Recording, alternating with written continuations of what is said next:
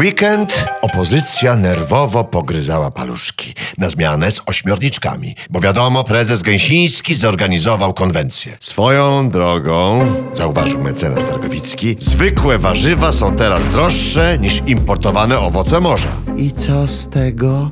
Bagatelizował redaktor zdrada. Przecież to nie może być wina rządu. Zresztą, kto na rząd głosuje, tego stać na pietruszkę w cenie kalmarów. Tak czy nie? A opozycję po prostu martwiło, że prezes Gęsiński z premierem Działkowieckim znów coś Polakom obiecają. I co gorsza, obietnice spełnią. Ale o tym kiedy indziej. Akurat do naszej kancelarii do spraw wizerunku zgłosił się przewodniczący Krzaczasty. Krzaczasty nie owija w bawełnę. On po prostu zamierza wygrać wybory. Tylko w jakim sweterku? To jedyne go martwi. W jakim sweterku pokazać się społeczeństwu w zwycięski wieczór wyborczy? W błękitnym czy w różowym? W malinowym czy w beżowym? Serek. W beżowo-różowe rąby. Uciął te jałowe dywagacje Targowicki. Wszak wiadomo, że krzaczastemu w każdym sweterku ładnie. Kto mu w ogóle doradził te sweterki? Skrzywił się zdrada, kiedy zadowolony krzaczasty już sobie poszedł. Jak to kto? My, przypomniał Targowicki. Ech, kiedyś to byli pierwsi sekretarze,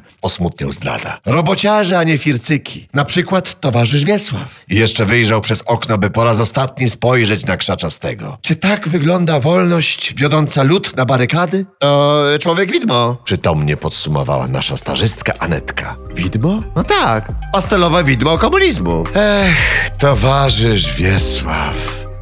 W grobie się przewraca.